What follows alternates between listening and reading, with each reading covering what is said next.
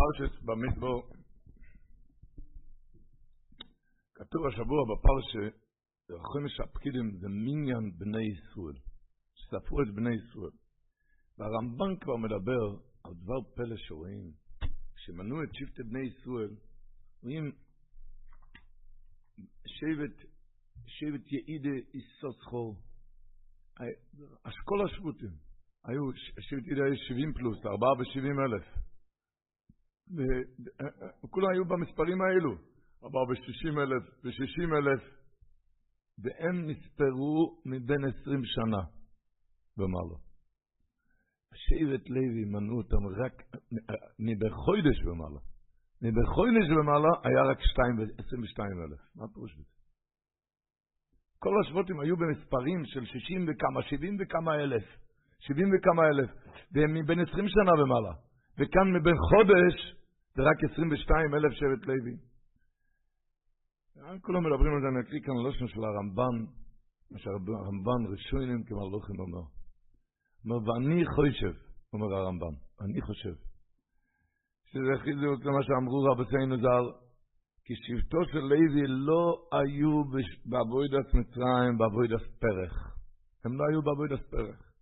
והנה, ישראל, כלל ישראל, אשר מררו את חייהם בעבודו כושו כדי למעטם, היה הקדוש ברוך הוא מרבה אותם כנגד גזירת מצרים. בהיות שהיה גזירת מצרים, הקדוש ברוך הוא ירבה אותם, הם עברו שיעבוד. כדי, כמו שאמר, וכאשר יענו זה, כן ירבה וכן יפרוץ. אבל שבט לוי, היו פורים ורובים כדרך כל הארץ, ולא עלו למעלה כשאר השבטים. זאת אומרת, אצל כלל ישראל, היות שהיה שיעבוד, היה אבויד אספרח, היה עויני קוישי השיבוד, לכן היה ירבה ואיפרוץ מלו מלו יותר מדרך האוילום. מה שאין כשבט לוי שלא היה להם את השיעבוד, אשר על כן לא היה להם את קוישי השיעבוד, אז הם פורו ורובו כדרך כל האורץ, 22 אלף מבין חודש ומעלה. היה 22 אלף. זה, רבו ישראל, זה נבוא שהוא צריך לדוירוס, שהתורה כתבה זה בכל דור ודור. הרב דוביד ללבר אמר, שכתוב כאשר יענו אויסר כן ירבה וכן יפרוץ. לא כתוב כן רבה וכן פרץ, כתוב בלשון עתיד כן ירבה וכן יפרוץ. למה? כי רש"י אומר רוח הקודש מבשרתון. אז הוא אמר, זה רוח הקודש מבשרתון בכל דור ודור. כשבן אדם עובר קושי השיעבוד, אתה רק תגדל ותגדל ותגדל ותגדל, ולא תפסיק לגדול בגלל קושי, השיעבוד. וכן ירבה וכן יפרוץ. זה בכל דור ודור לכל מיני קשיים שהבן אדם עובר.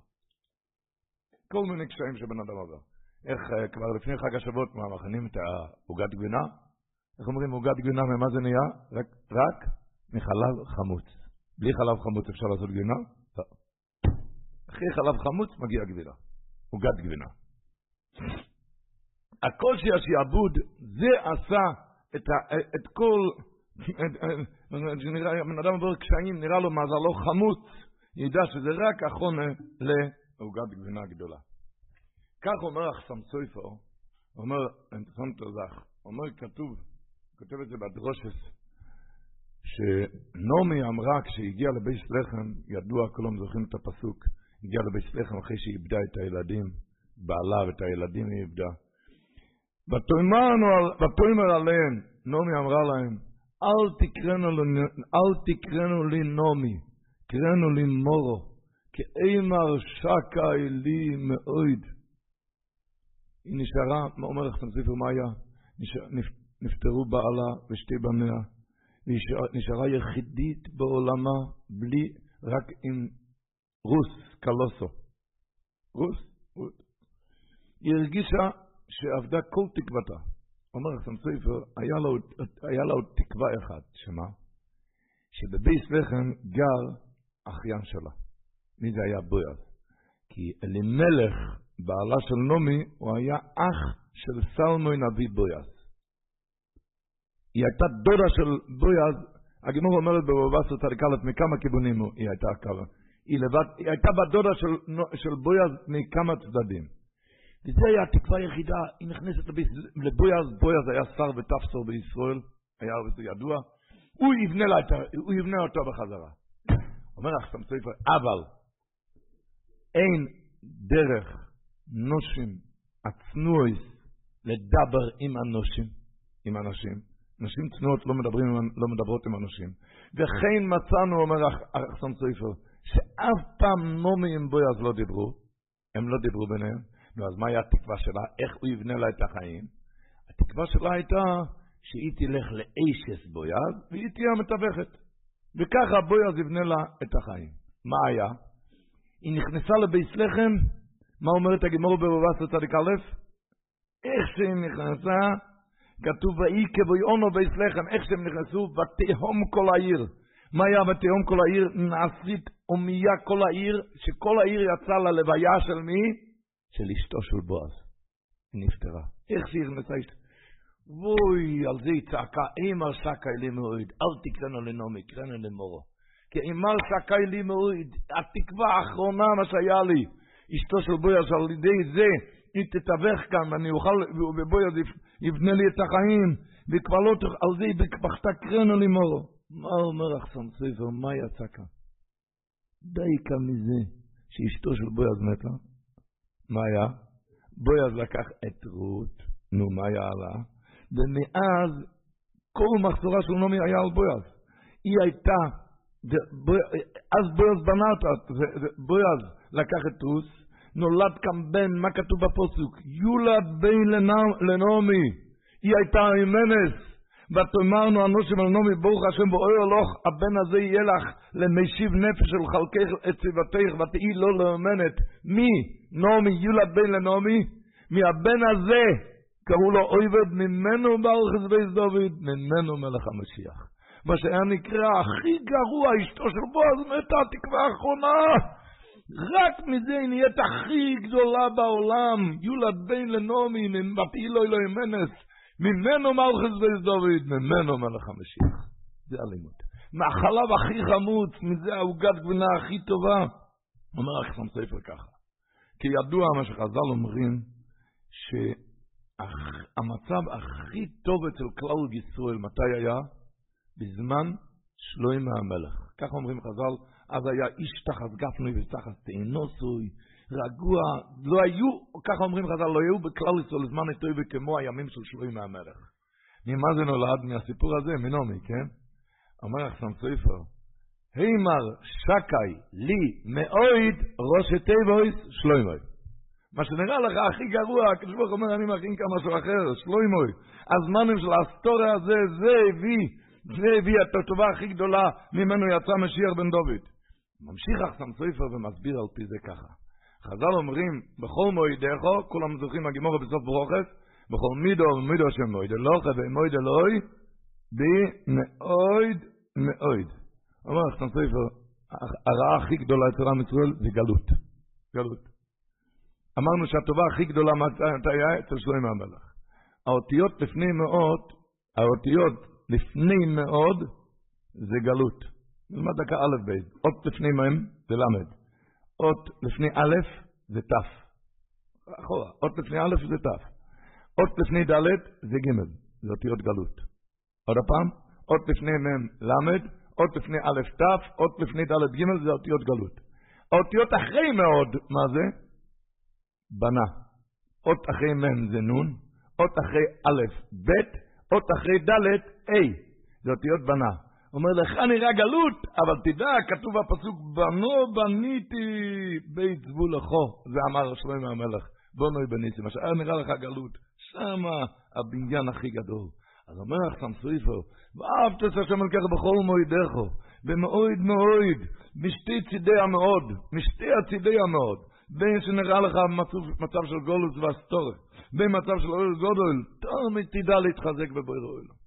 רש"י שם על המקום אומר, רש"י אומר, הגמור שם בבואסת צדיק א', כשנפטרה אשתו של בועז, כמה כתוב בגמור ככה, ועומר רבי צחוק, בבואסת צדיק א', ועומר רבי צחוק, אוי סוי היום שבוס רות המואביה לארץ ישראל, באותו היום מיתה מייסו אשתו של בועז.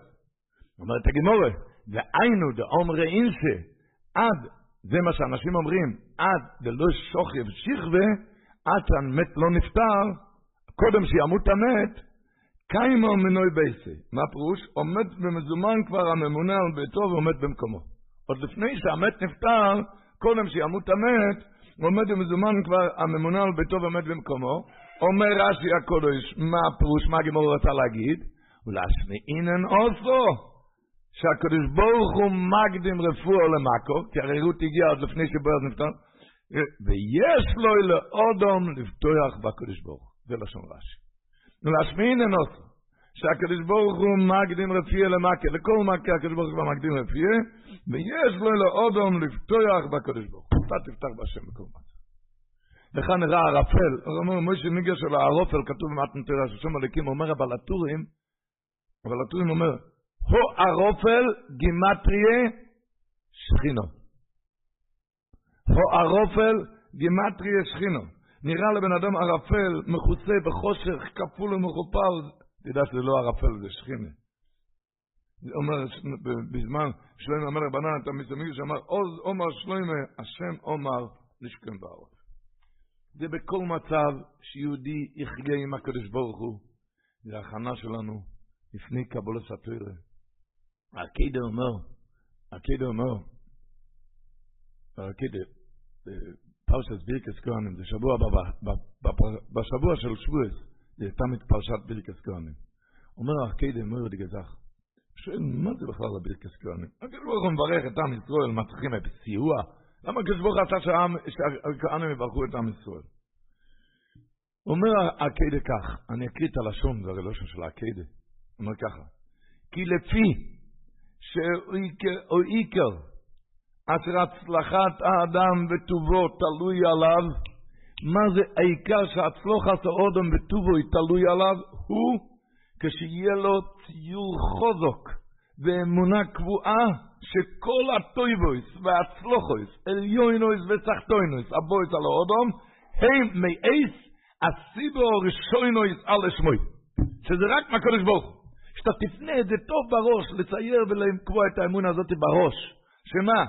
לפי שהוא יקרא שהצלוח הזה אודום וטובו יתולי עולו, וכשיהיה לו ציור חזק ואמונה קבועה, שכל הטויבויס והצלוחויס, עליונויס ותחתונויס, הבויס על האוילום, הם מאייס הסיבו ראשוינויס על השמוי רק מהקדוש ברוך הוא. לא מצד המקרה, קרה שהוא עלה, שהוא הצליח. לא מצד המקרה, ולא בכויכו ולא יצא מיודו אחד ושלום. ולא משום כויכו ומזל קבוע. לכן, אומר הקדה, תקנו ברכת הנהנן. מה זה נקרא ברכת הנהנן? הקדוש ברוך הוא צריך את הברכות שלנו?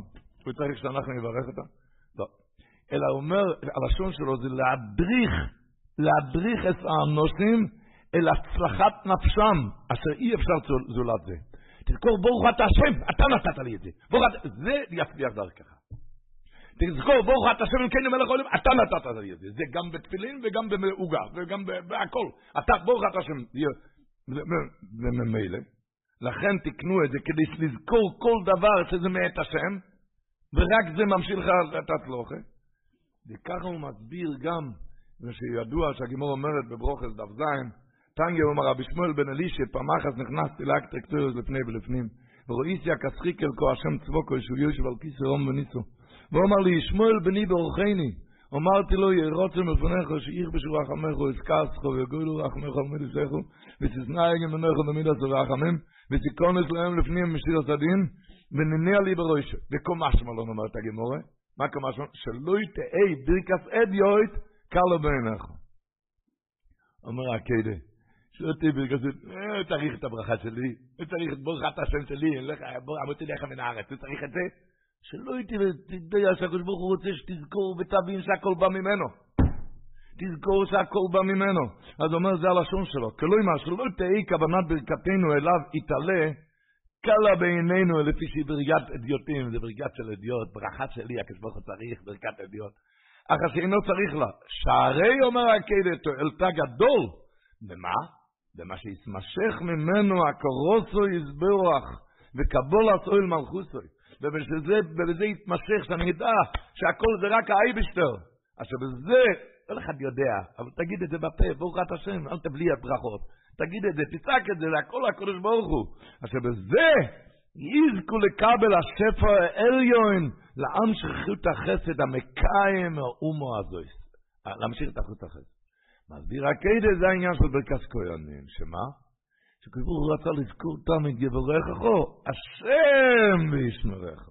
לזכור, כל, כל העניין, לאשריש בקרב הום, כי כל הברכות הן רק מאת השם, וכל הטוב הזה מושפעות מאיתו.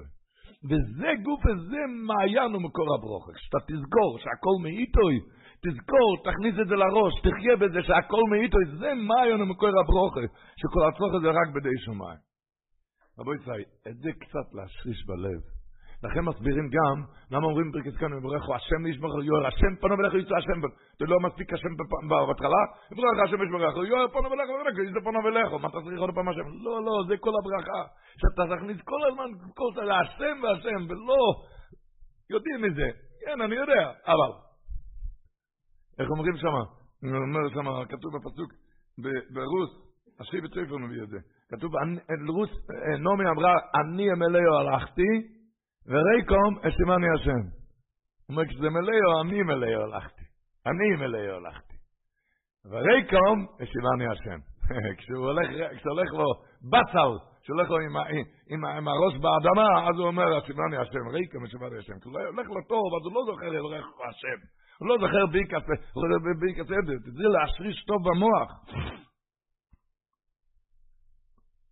איך אומר? להגיד בבויקר חסדך ומנוסך בלילוס. בדיוק כמו שהשם ישמור. אתה צריך להתחלק באמונה, כי זה בלילה, זה מצב לא טוב. אותו דבר להגיד בבויקר, להגיד את זה, חסדךו, זה חסד שלך. זה לא משהו אחר, להגיד. תגיד את זה בבויקר חסדךו. כשכמו שהקדוש ברוך הוא נמצא באסטורס שבתוך האסטורס, ככה הוא נמצא באסטורס שבתוך האסטורס. יבורך הוא השם להגיד בבויקר חסדךו, שהולך, ומנוסחו בלילה.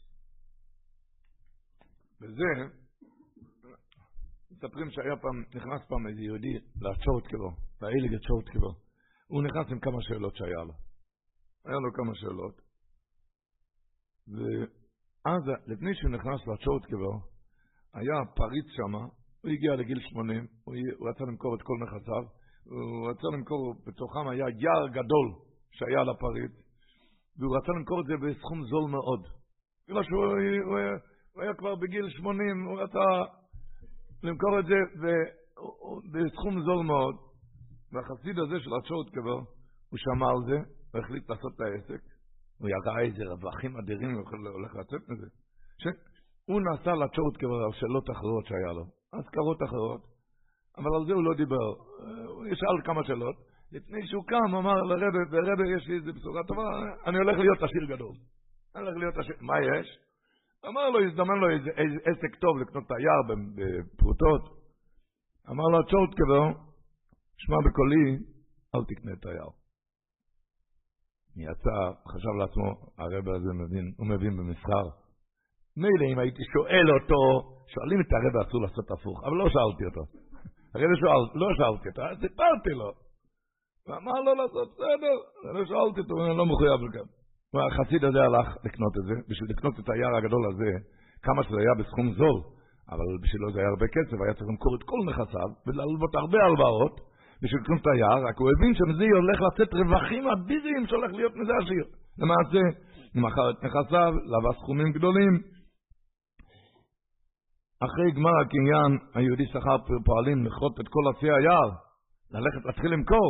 עכשיו צריך, צריך, צריך, צריך להתחיל לכרות את עצי היער, הוא קורא את העץ הראשון, כולו מטולה מתוכו. העץ השני, תולעים. השלישי כיוצא בוי. הוא רואה שהכל תולעים, תולעים. אוי, הוא הבין עכשיו, השם ישמעו, נשאר נקי מכל נכסיו, לא רק לא רווחים. רק אין לו מה לשלם, הוא מכר את כל הנכסים, לווה סכומים אדירים, חובות כבדים על כל הכסף של לווה, והוא נשאר בעירום ובחוסר כל עם עוד הרבה חובות. בקיצור, הוא הפסיק לנסוע לרבה החסיד הזה, למה? כי הוא התבייש להיכנס לרבה, גם הוא לא, גם הוא לא שמע בקולו, הוא ירד מטה, מטה, מטה. אבל אחרי שנתיים, הוא החליט, כל הכסף ירד לטמיון, עבדתי, עבדתי, אבל למה לאבד את הרבה? למה לאבד את הרבה? אז עכשיו על המעשה קם ויצא, נסע לצ'ורת קבע. הוא נכנס לצ'ורת קבע, הוא התוודה, אמר, שלא שמעתי בקול הרבה, לא הבנתי שהרבה יותר, רואה יותר טוב ממני, לכן זה קרה לי, אמר לו צ'ופקי, לא, לא, לא, לא, אתה טועה, אין כאן שום רוח הקודש לא היה כאן. לא רואה, הוא אמר, הרב רואה יותר טוב ממני. לא, לא, לא, לא, לא, אמר, לא היה שום רוח הקודש. אני אגיד לך רק בדבר אחד. אתה קמת ממני אז, ראיתי אותך כל כך בטוח בעצמך, קמת ואמרת, אני הולך להיות עשיר גדול גם, וכזה ברייטקייט, כזה גסוס הולך, הולך להיות עשיר גדול, לא היה נראה אצלך שום הכנעה לבויר אוילון, שאוי שלו והקרובים לפונו. ראיתי אתה גם, לא הזכרת שום שם שמיים. אני הולך להיות עשיר גדול, והבנתי שבעסק הזה אתה לא תצליח. בעסק הזה ככה היה מתומט. ככה היה מתומט. הלימוד, רבו ישראל, את, את הלימוד, לדעת בכל דבר שאתה הולך עם שם שמיים, עם שם שמיים. זה אומר הקהילה, יבורכך השם, זה יסוד הצלוחה של הבן אדם. יבורכך השם. מסופר שאצל החויזם מלובלין, בלשון חסידים הוא מביא את זה מחויזם מלובלין, הרבה מספרים את זה, אותו סיפור, מביאים הרבה על הפני ישוע. אבל לא משנה אם זה היה או אצל הפני ישוע, או אצל החויזם מלובלין, או אצל שתיהם, תשמעו את הסיפור. הוא הסביר פעם את הפסוק, השם מוירש ומאשיר, שהקדוש ברוך הוא יכול להוריש, להוריש ולהעשיר בן אדם ברגע אחד. ברגע, השם מוירש ומאשיר, ככה אמר החוי מלובנים, ברגע אחד יכול להוריש את העשיר הכי גדול, טיק, מוירש, נהיה הכי קטן. ומאשיר גם אותו דבר הפוך, יכול להיות אני הכי גדול, אני מרוד, בדקה בשנייה הוא נהיה העשיר הכי גדול.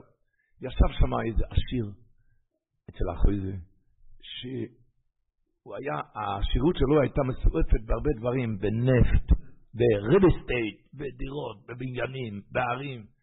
הוא אמר, זה לא יכול להיות.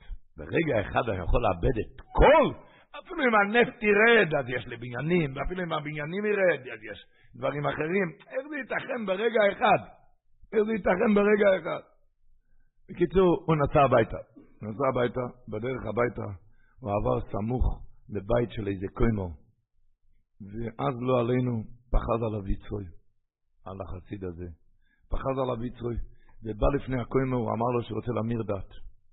הקוימו הזה הכיר את היהודי מאז ומקדם, והוא ידע שהוא נאמן ללקוב שם התוירה מצווה. היה נראה לו שהוא בא לעשות צחוק ממנו. אמר לו, לא, לא, הוא רוצה להמיר דת, השם ישמור, הוא נפל לו איזה יצר הרע, גבר עליו הקליפה. אז, אז אמר לו הכהן, תשמע, אתה עושה צחוק? אמר לו, לא, לא, לא עושה צחוק. אז אמר, אני לא, לא מסכים להמיר דעתו, רק אם אתה כותב לי שטר מתונה על כל הרכוש שלך, כל מה שיש לך, כל מה שיש לך, אז זה עובר אליי אם אתה מתחרט. ואז אני מוכן להמיר דעתך. רחמונו ליצלן, הרי הבן אדם הזה כל כך נהיה משובש, התחזקה עליו הקליפר, לא עלינו. אז הוא כתב לו את כל רכושו והונו, הכל, שלא יוכל להתחרט אף פעם, ונתן את הכתב יד לקוימו. איך שהוא גמר את הכתב מתונן, נתן את זה לקוימו. הוא נהיה שפוי, הוא נהיה שפוי בחזרה. והחליט להתחרט, הוא אמר, מה עשיתי? הוא ברח תקף מהקוימו, הוא השאיר את הכתב מתונן אצל הקוימו. והבין שכדאי לו לאבד את כל הונו וכל הכל, העיקר, אני יהודי, מה אני ממיר דת? הוא השאיר את הכל וברח, אוי בו נשמוסוי, הוא לא רצה להמיר דת. ואז הוא חזר לחוץ מבלין, והוא הודה לפניו, שלפני כן היה מערער אחר רבי, הוא לא הבין ש... שאיך יכול להיות ברגע אחד, ועכשיו אני רואה, נשארתי בערם ובחויסר כהל, כי השארתי את הכסף מתונת של ה... הוא סיפר לו את הכל. אמר לו אחרי זה נו, אתה ראית שהשם מוירש ברגע אחד, הוא יכול ברגע אחד? אמר לו, ודאי שראיתי, ודאי שראיתי. אמר לו אחרי זה תצא עכשיו הביתה ותראה שהקדוש ברוך הוא יכול להשאיר ברגע אחד.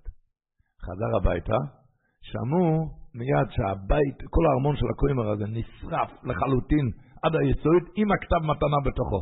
אז זה לא היה... הכתב מתנה, ומילא שרה כל השירות לחזיר. זאת אומרת, שבן אדם משריש את זה.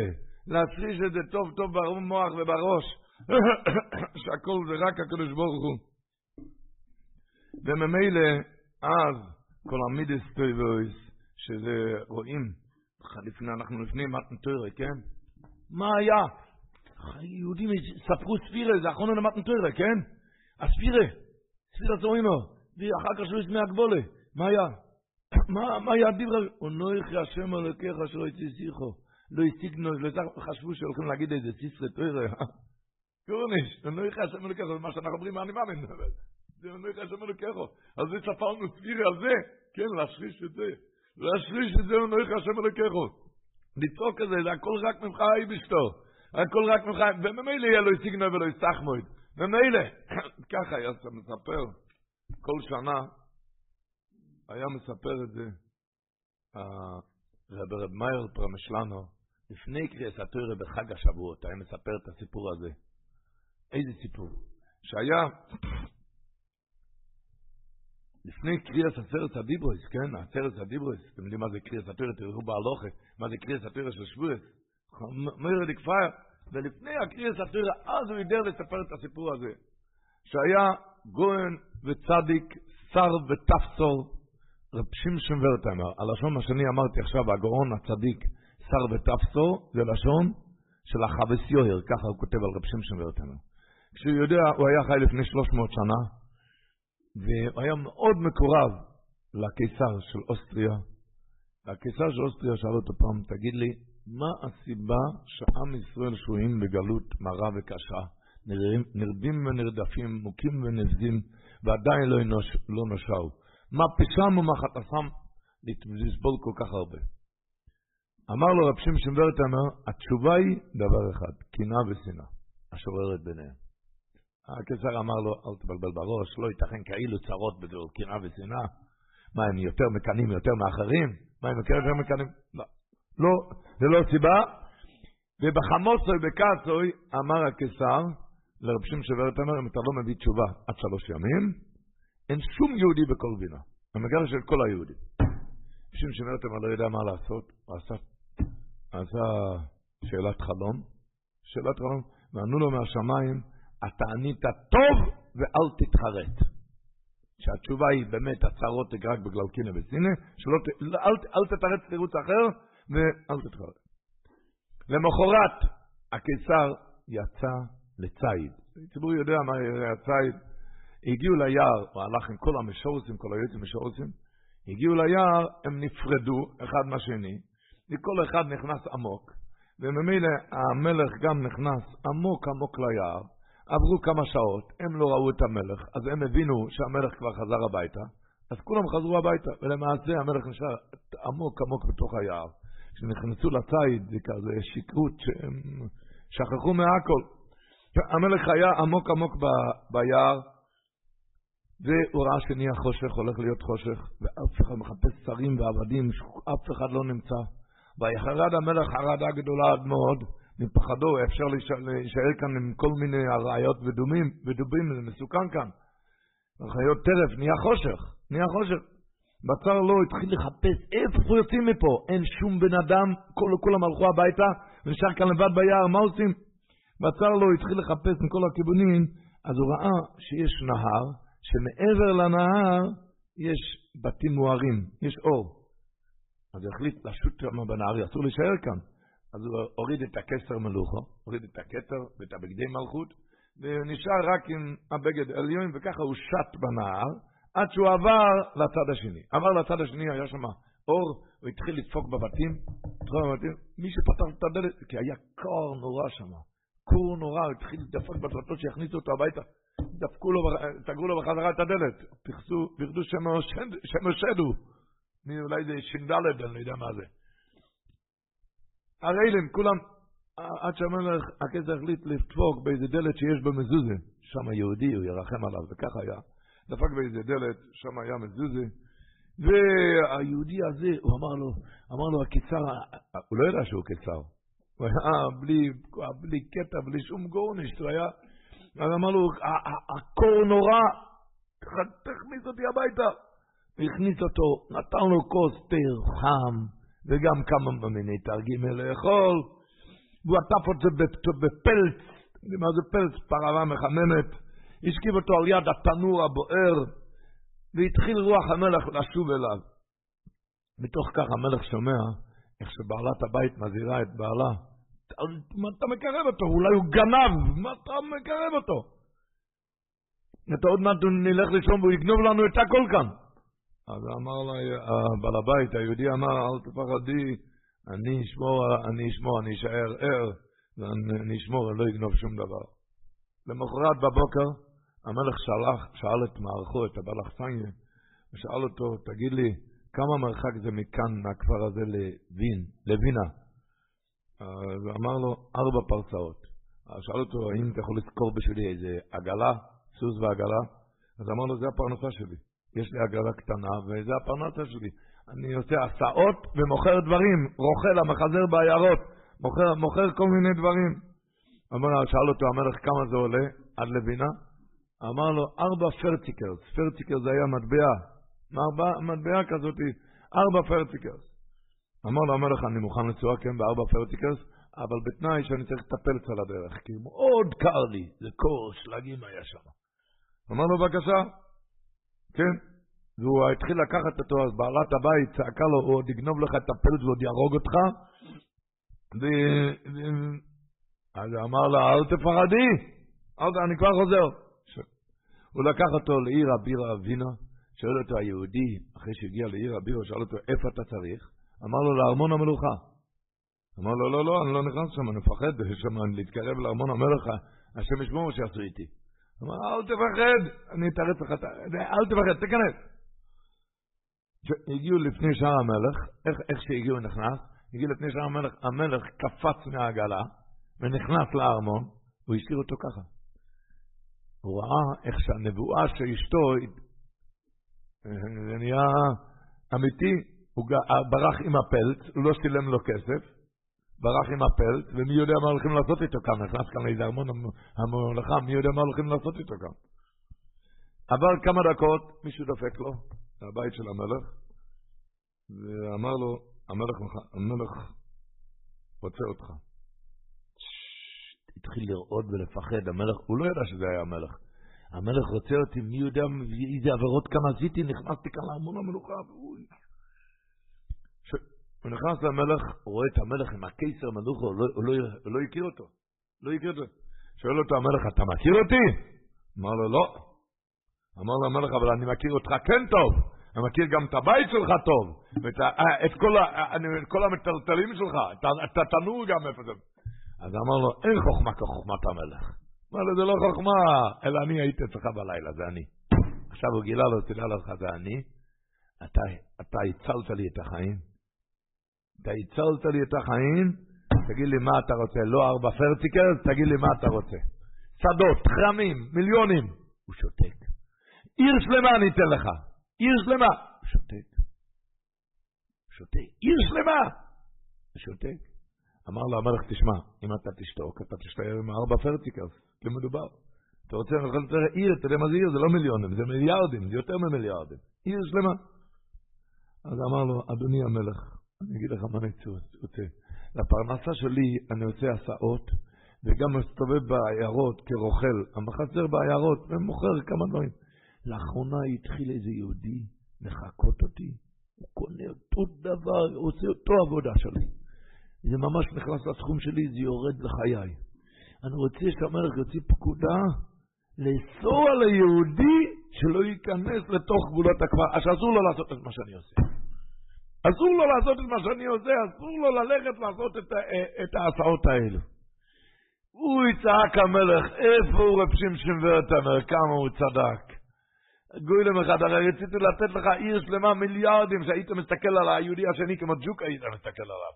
היית מסתכל, ואתה יודע, לאן רציתי להגדיל אותך, עיר שלמה רציתי לתת לך, מיליארדים, מיליארדים, והסתכלת עליו. הוא אמר כמה רב שמשון ורטמר צודק, שבגלל קנאה ושנאה. עם ישראל לא נבדה מהגלות. מה הלימוד, את הסיפור הזה סיפר רב מאיר פעם שלנו, לפני קריאת התורה עשרת הדיברות. שזה כל התורה כולו להשריש בלב, שהכל זה הקדוש ברוך הוא, אתה תשתוק איך אמר הרב חיים, תשתוק לו, תשתוק לו, תוותר לו, הקדוש ברוך אומר, אה, תוותר לו, אני אעשה אותך עכשיו גדול. אתה לא רוצה להתחיל אותו בשביל כבודי, עכשיו אני אעשה אותך גדול. יכלת להיות עיר, עיר שלמה, מחפש שההוא לא יהיה, שההוא לא יהיה. ואחיי ורעיי, אהוביי וידידיי. הוא היה אומר, פרשת השבוע, שאו אסרויש כל הדס בני ישראל, תפקדו איסום לציבור איסום. רש"י אומר, מתוי חיבוסון, נוינו איסום כל שו. כך אומר רש"י, רש"י הקודש. מתוך חיבתם, הקדוש ברוך הוא סופר אותם, מונה אותם כל שעה. כמו אדם מחפף את החפצים שלו, חפצים מסוימים, הוא מונה אותו עם כל דבר. אומר חידוש הערים, רבו ישראל, זה מלא, שהיות שאנחנו מלא בספרים הקדושים, החידוש הערים, רב מוישה פיינשטיין כותב שזה הסיבה, אתם יודעים שפרשת במדבר, חי... חייבים לקרוא לפני חג השבועות. זה תוספות בסוף מסכת מגילה. תוספות בסוף, אין כזה דבר, אי אפשר להיכנס לפרשת במדבר, לחג השבועות אם לא קראו לפני כן שבת במדבר. חייבים לקרוא שבת במדבר.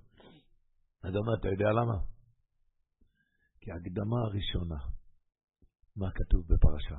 זהו עשרו איש כל הרס מישראל, תספור כל אחד. כל אחד תספור, שאו עשרו איש, תספור כל, כל אחד, תדע את המספרי, כל דבר שבמניין אין בוטל, אמרתי, אפילו באלף לא בוטל. אתה לא בטל, יש השגוח פרוטס עליי, והקדוש ברוך הוא מחכה עליי לשבועות, לחג, לחופה, הוא לא ייכנס לחופה בלעדיי, הוא סופר את כל אחד. כל אחד. ולא רק סופר את כל אחד, אומר רב משה פיינשטיין, אלא על פי סופרים אחד וצדיק הדור אחד, לא סופרים אותו שתיים. כי כל אחד מספר ממוספר להיכנס לחופה, מה שהוא רוצה ממני, צדיק הדור לא יוכל, לא יוכל למלות את זה. מה שהוא רוצה, התפקיד שלי בעולם, מה שהוא רוצה שאני אמלא את התפקיד. זה כל אחד עם התפקיד שלו, כל אחד ואחד. שאו אסרו איש כל הדס בני ישראל. בזה, הוא אומר, שאו אסרו איש, בזה תרים להם את הראש. כל בן אדם הכי שפל, אפילו נפל, תקום, תרים את הראש, כל אחד, אני, יש לי אצלך תפקיד, על זה הקדוש ברוך הוא סופר אותם, מונה מספר לכוכבים לכולום שם וסיטרו. הכוכבים האלו, זה שתי דברים.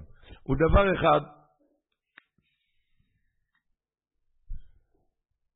כמו שהחידוש הערים אומר, הוא אומר שעם ישראל נמשלו לכוכבים, שכמו הכוכבים כשמסתכלים מרחוק, רואים זה רבים, אין מספר. כשאחד מתקרב לכוכבים, אז רואה שכל כוכב הוא עולם מלא וגדול. כל יהודי, אפילו שהוא חלק מהכלל, אבל כל יהודי הוא עולם מלא ומיוחד בשליחותו. מה שהוא צריך למלות, אף אחד לא ימלא.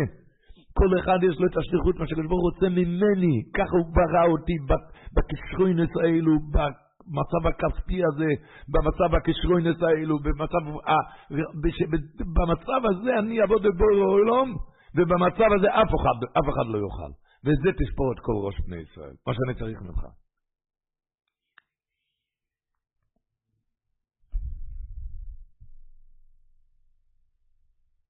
זאת אומרת, שתי דברים. זה האחרון על מתנתר. הדבר הראשון, שסופרים כל אחד מבלעדיי אין חופה. מבלעדיי אין חופה כל אחד. ועוד דבר, שמה שהוא רוצה ממני, אף אחד לא יוכל למלות. זה, הקו, זה הרעיון במספר. שמה שרוצה ממני, אף אחד לא יוכל למלות. זה הוא אומר, זה הפירוש, המלבן אומר את זה. מוי נמיספו לכוכבים, לכולם איזה יקרו. יש כאן שתי דברים. יש מספר לכוכבים, ואם אני אחסר, אין כאן מספר. אני, חייבים אותי. ועוד דבר, לכו לו בשם מזיקו לכל אחד שם, המשימה שלו, העבודה שלו, שאף אחד לא יוכל למלות את זה. לכל, לכו לו בשם מזיקו לכל בן אדם, מוינה מספור לכרחובים. לכו לו בשם מזיקו, וזה עם ישראל נמשלו לכרחובים. שמוינה מספר לכרחובים, כמו שכוכבים יש מספר, אם חסר אחד, חסר כמה מספר. אם אני אחסר, אם אני לא אתכנן לחג השבועות, חסר כמה מספר. וכל אחד יש כמה מספר, הקדוש ברוך הוא לא נכנס לחופה מבלעדיי, ולכולם שאימו יסיקרו, לכל אחד את התפקיד שלו. תפקיד שלו, אף אחד לא יכול להשלים את התפקיד שלי, מה שהקדוש ברוך הוא רוצה ממני. דוגמה לזה, רבו ישראל, תשמעו חז"ל, עדי כחז"ל, מופיע בספר, בסדר הדוירס אסיוד. זה דבר ידוע, סיפור ידוע, אבל אשריש את זה קצת בראש. שרבי שוע בן אלום, תמה, רבי יהושע בן אלום, גילו לו מהשמיים בחלום הלילה, ככה גילו לו בשמיים. שמח בלבבך, למה תשמח? שאתה וננוס הקצב, ננס הקצב, אתם יודעים מה זה קצב, כן? קצב, קצב של עופות. אתה, שמח בלבבך, אמרו רבי יהושע בן אלום, שאתה וננס הקצב, מושבו ומושבך בגן עדן, וחלקו וחלקך שווים כאחד. אתה ביחד איתו. התעורר רב שועה משנתו, כך כותב סיבת הרדרס, אוי לי, שמיום שנולדתי הייתי תמיד ביראת קוני, ולא אמרתי אלו בתוירו, ולא הלכתי דלת אמות ולא ציציתי תפילין, והיו לי שמונים תלמידים, ועכשיו שקולים מעשיי בתורתי עם הקצב? מיד הלך עם תלמידיו מעיר לעיר כדי לברר מיהו האיש ששמו ננס הקצב. בקיצור, אחרי חקירות ודרישות, הגיעו למקום, והוא שאל שם בעיר, איפה ננס הקצב? אמרו לו, תושבי המקום, זה לא ראוי לתלמיד חכם, איש מכובד כמוהו ללכת אליו. רבי שועה התעקש, רבי שועה בן אלם, הוא רוצה ללכת אליו. אמרו, נכנסו התלמידים לננס הקצב ואמרו לו, רבי שועה, אתה מהקודש בחוץ, הוא רוצה לדבר. אמר ננס הקצב, מי אונכם, מי אבויסה בישראל שלך? וישוע שואל אותי, הוא רוצה אותי. אמרו לו, עמוד ולך עמנו, הוא רוצה אותך. חשב בליבו שכל מה שאמרו לו שקר הוא. הוא חשב שעובדים עליו. רבי שועה רוצה אותי, ננס הקצב. ואמר לו, הוא אמר, לא אלך עמם, שאתם משחקים בי, אתם עובדים עליי. מיד חזרו לרבי שועה ואמרו לו, אתה אויר ישראל, ואויר עינינו, עטרת ראשינו, איך תשלחנו בשבילו? הלוא הוא לא רצה ללכת עמנו. הוא לא רוצה אפילו ללכת איתנו, מה אתה... אמר להם, תדעו שלא ישב עד שיראה אותו, אני לא, אני לא יושב על המקום. הלך רבי שועה בעצמו אצל ננס הקצב, תשמעו מה שחז"ל אומרים. רבי שועה הלך לננס הקצב, ונפל ננס, ננוס נפל על פני רבי יהושע ואמר, מה היום מיומיים שהפרץ ישראל בו לפני עבדוי? מה קרה? פרץ ישראל, מה? ככה ננס נפל על רבי יהושע. אומר לוי, אמרנה לו רבי יהושע, דבר יש לי לדבר עמך, יש לי משהו לשאול אותך. אמר לו, דבר, תשאל. אמר לו, מה מעשיך ומה מלאכתך? מה העבודה שלך? אמר לו, אדוני, קצב אני, אתה יודע מה העבודה שלי? אני קצב. אבל ויש לי אב ואם זקנים, אבא ואמא זקנים, ואינם יכולים לעמוד על רגליהם, ובכל יום ויום אני מלבישם ומאכילם ומרחיצם בידי. מיד עמד רבי יהושע ונשקו על ראשו ואמר לו, בני, אשריך ואשרי גורלך, מה טוב ומה נעים ואשרי חלקי שזכיתי להיות חברך בגן עדן. נראה נראה. קצב. אבל מה הוא אמר לו? מה? אב, יש לי אב ואם זקנים ואינם יכולים לעמוד על רגליהם, ובכל יום ויום אני מלבישם ומאכילם ומרחיצם בידי. מה פירוש? ננס הקצב, הוא מילא את השליחות שעבור זה הוא ירד לעולם. זה היה שליחות שלו, הוא ידע שליחות שלו לכיבוד אביהם. אז הוא נחשב כמו התנא הקדוש רבי שיוע בן אלום. אתם מבינים מה זה נקרא לספור ראש של כל אחד? לספור ראש של כל אחד. כל אחד עם התפקיד שלו.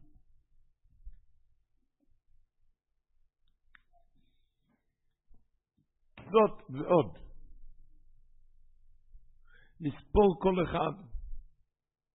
וכתוב השבוע, בפרשה אחרי כן, בשלישי, כתוב, הקדוש ברוך אומר למשה רבינו, איש על דיגלוי באויסס לבי סבויסום, לעשות דגלים. מה העניין של הדגלים האלו? כולם מדברים על זה, מה העניין, יש דגולים, וזאת ועוד כתוב במדרש, שכשהקדוש ברוך הוא נגלה, הקדוש ברוך הוא על הר סיני, ירדו עמו 22 אלף מרכבות מלאכים, מלוכים, והיו עשים דגל, דגלים דגלים. כיוון שראו אותם ישראל, שהיו עשויים דגלים, התחילו מתאבים לדגלים. אז גם עם ישראל התאבו שרוצים דגולים. אמרו, הלוואי שאנו נעשו דגלים כמותן, כמו מי? כמו המלוכים. וכן הוא אומר, נראה לנו בשבילתך ושם אלוקינו נדגול. יאמר להשם כל משלותיך, הם רצו נדגול, דגולים. אומר להם הקדוש ברוך הוא, התאביתם בדגולים? התאביתם חייכם? הרי נאויסם משלותיכם. יאמר להשם כל משלותיך, מיד הראה הקדוש ברוך הוא אהבתו לישראל, ואמר לו למשה רבנו, לך עשה יועצם דגולים, אומר המדרש. כמו שנמצא בו איש על דגלו באויסס. ולעושית לא בוי, בזכות הדגולים, אני גואל אויסס. מה התאווה לדגלים? מה גילוי האהבה שהקדוש ברוך הוא הראה אהבתו, הוא עשה עליהם עשיית דגלים. ומה זה המלוכים משתמשים בדגלים? הם ראו איך שהמלוכים יורדים עם דגלים. מה פירוש המלוכים יורדים עם דגלים? ומה האהבה הגדולה שהקדוש ברוך הוא אהב את הדגולים? רבו ישראל אומר דבר פשוט. דגלים הפירוש הוא, תמיד שומעים איך שבן אדם אומר, איי, הלוואי אם היה לי את הראש של ההוא, גם אני הייתי הראש השירה. אם היה לי את הראש של ההוא, הקשריינס של ההוא, גם אני הייתי אצל שטייגן, הייתי, הייתי גדל ראש שירה. ומישהו אחר אומר, חבל, אם לי היה את העושר של ההוא, אתה יודע כמה תרא אני הייתי מחזיק. איי, כמה, כמה צדוקת אני הייתי נותן. הלוואי ולי היה את הכסף. הוא אומר, מישהו אחר אומר, אם אני הייתי גר כאן, אוי, כמה הייתי לומד, איך הייתי צדיק. בגלים הפירוש הוא איפה שהקדוש ברוך הוא שם אותך, שם תעבוד את בורא עולם. תראה איפה ננס הקצב נהיה גדול. איפה שמה, זה נקרא דגלים. כל אחד במצב עם הראש הקדוש ברוך הוא נתן לך, במקום שהוא שם אותך, בדגל שהוא שם אותך, עם הכסף שהוא נתן לך, זה הם ראו במתנתרא. מה הם ראו במתנתרא? יורדים מלוכים, כל 22 מרכובס אלף מלוכים, 22 אלף מרכובס מלוכים. כל אחד ואחד עומד במקומו, אומר, והוא לא מנסה להיכנס במקום חברו. המלך מיכואל, אין לו שום רצון קינה או תאווה להיכנס לתחום של גבריאל, ואותו דבר אין לאף אחד קינה וטייבה להיות במדרגה של השני. כל אחד עם המצב שלו, שם עובד את בוירו אוילום. שם עובד את בוירו אוילום. זאת אומרת, על השפה שלנו, יש בעל הבית שעובד כל היום על הפרנסה. הוא מתייגע כל היום על הפרנסה. יש אחד שאומר, אה, אחרי כן, אחרי הפרנסה אני אכנס לשיעור תורה, מה, אני כבר אצמח חסידה? אני רצי ולא אצמח, מה פתאום שאני אכנס עם כזה ברן, כמו, כמו שהכולל, אברך כולל נכנס לכולל? אומר, לא, לא, לא, זה נקרא דגלים. אתה תיכנס לשעת תוירה הזה עם אותו ברן כמו שאברך כולל, ואתה תעשה אותו רוצן הבוירה. זה נקרא דגולים. והמצב שלך ושהקדוש ברוך הוא שם אותך. מה שהקדוש ברוך הוא שם אותך. הוא כזה, מה לי עכשיו לעמוד להתפלל? אני, אתה יודע, אני יוצא עוד מעט לעבודה. למה לי לעבוד בעבודת אפילו בכוונה? למה לי לטרוח לקבוע עיתים של תורה אחרי עבודת פרח של יום שלם? אני בין כל ראש אישי ואני לא רבה. ולמה שאני לא... זה, זה הפירוש של גולים. גולים הפירוש הוא אם שמו, זה הדגל שלי, שמו אותי כאן בואי למה זה, סימן שאת זה הקדוש ברוך הוא רוצה ממני ושם אני אעבוד את בויר האוילום. שם אני אעבוד את בויר האוילום. מישהו אחר אומר, הנה הייתי בעל הבית, היה לי כסף, הייתי עושה הכנסות אורחים, גמלס חסודים, תראה, אני לומד בכולל, ככה זה נראה, יש לי כמה פרוטות קום על שבת, אני מדוכא בעניות. כן? ואותו דבר הפוך. בעל עסקים אומר, אם היה לי זמן, הייתי יושב ולמד. אומרים לכל אחד במצב שלך, זה נקרא דגולים. אתה עובד, אבל תזכור, את השעה הזאת שאתה לומד, תעשה את זה קודש קודשים. את, הש... את השעות האלו שאתה מתפלל, זה מלחמה, תעשה את זה קודש קודשים. זה נקרא דגלים, גולים. שזה צריך להיות ברור. ברור, ברור, לפני מתנתרא. צריך להיות ברור לפני מתנתרא. אנחנו כבר לא מדברים שכתוב, ורב חיים ולוז'נר שאל פעם את הגאון מווילנה, וורט נורא הוא אמר לו, שכתוב בתלמוד בליאור, כתוב בהקדומה, כתוב בהקדומה של תלמוד בליאור, הקדוש ברוך הוא, שהוא כל יוכל, כל השבוכה, אין, שבוע, אין קול, אי אפשר לשבח את בור העולם. הרי אי אפשר להגיע, למיעוט למיעוט אי אפשר להגיע. כן, דיו אלוים. אז עכשיו כתוב שם, בהקדומה תלמוד בליאור, כתוב שהקדוש ברוך הוא כל יוכל וכמה דברים, וכתוב בין הדברים שהקדוש ברוך הוא אוסיר הצומח בחלקוי. שאל רב חיים בלוז'ן את הגאון מווילנה, השמח בחלקו מתאים להגיד לאחד שיש לו ככה ויכול להיות יותר, אז הוא שמח בחלקו. הקדוש ברוך הוא את הכל, מה פה הוא שמח בחלקו, מה מתאים להגיד שמח בחלקו? אמר לו הגאון מווילנה דובר נויר נרועס. שכתוב הרי בחז"ל, עיר עץ השם, אי יצור, האוצר של הקדוש ברוך הוא. האוצר של הקדוש ברוך הוא. מה זה האוצר? אין לו לקדוש ברוך הוא בבית גנוזוב, אומר רב שמעון בר יוחאי. אין לו לקדוש ברוך הוא בבית גנוזוב, מה? אלא האוצר של יראת שמיים בלבד. אמר לו הגאון מווילנה, יראת שמיים, כביכול כביכול, הקדוש ברוך אומר שאת זה אין לי. אין לי את זה. זה יורד, עולה אליי רק כשאתה שומר את העיניים שלך, סוגר את הפה שלך. אז הוא אומר, איזה עשיר השמח בחלקו, אפילו מצב שפל, אבל עכשיו הוא שומר את העיניים, הקדוש ברוך הוא שמח בחלקו. זה הגנזים של הקדוש ברוך הוא. הוא שמח בחלקו, אפילו שהוא ירוד הבחור הזה, הוא ירוד, ירוד היהודי הזה. אבל עכשיו הוא שמר את העיניים, עכשיו הוא סגר את הפה. אז הקדוש ברוך הוא אומר, אני שמח בחלקו, שמח בחלקו. הוא שמח. למה הדבר דומה? הגמור אומרת, במסכת פסחים, אומר רבי יוחנן, על שלוש הקדוש ברוך הוא מכריז עליהם בכל יום, על רווק הדר בכרך ואינו חוטא. זוכרים את הגמור? רווק הדר בכרך ואינו חוטא.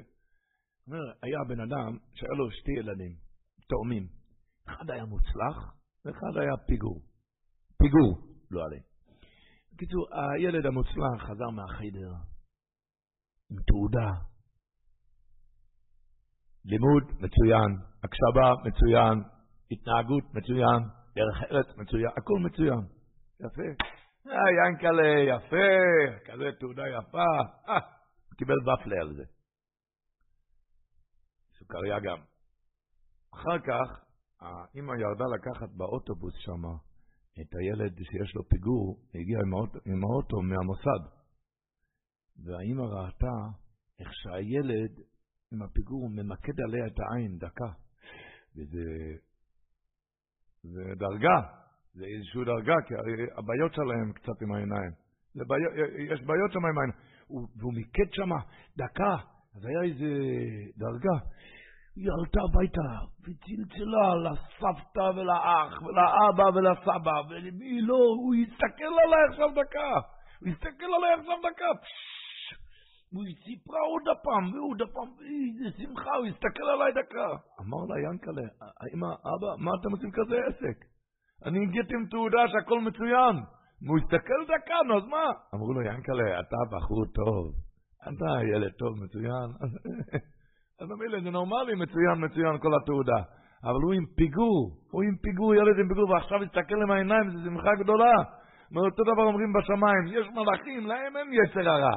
אבל כשיש כאן בן אדם כבן אדם סוגר את העיניים, הקדוש ברוך הוא מכריז עליהם בכל יום, לסבא ולסבתא, לכולם בגן עדן הקדוש ברוך הוא מכריז, שכולם ישמעו שם. הסבא וכל הסבים וכל הסבתות. הוא שמר עכשיו את העיניים, הוא הסתכל עליי עכשיו דקה. הוא מיקד את העיניים אליי. איך האבא מתמלא אושר ושמחה, שבתוך הביגור הוא מסתכל עליי. הוא מסתכל עליי. איך, איזה אושר ושמחה. זה בכל ענייני שמירת עיניים, יראת שמיים.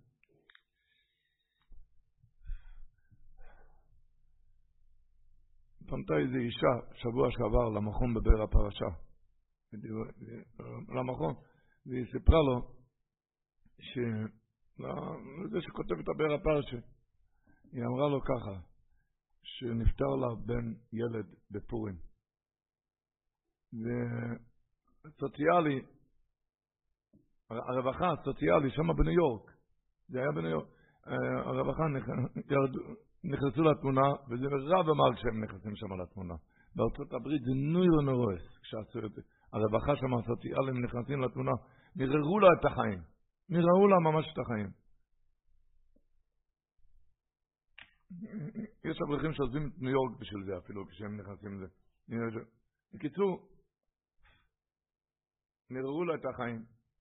היא לא חשבה להגיע לגבוהימו, היא סיפרה לו לזה שכתב את הפר הפרשה. שפשוט ראתה בער הפרשה שבוע שעבר שם, שכתוב ממירון ונהג בוימו, היא רצתה מאוד לנסוע, הלכה לנסוע, אבל אמרו לה שהיא תיזהר, כי יש לה כאן ילדים בבית, ובסוציאלי שם ברווחה ישמעו שהיא עזבה את הבית, זה רק עוד יוסיף איך היא עוזבת ככה בית ונוסעת למירון, אבל היא רצתה מאוד לנסוע. בקיצור, היא, תכלס היא סיפרה, היא הגיעה למירון, נכנסה למרי, אמרה תהילים, ואחר כך היא ירדה להדלוקה, והיא אמרה שם, היא שמעה שם, היא שמעה שם שכשמקבלים קבולת של רב שמעון זה דבר גדול. האישה הזאת, יש לה הרבה עסקים. עסקים בביזנס.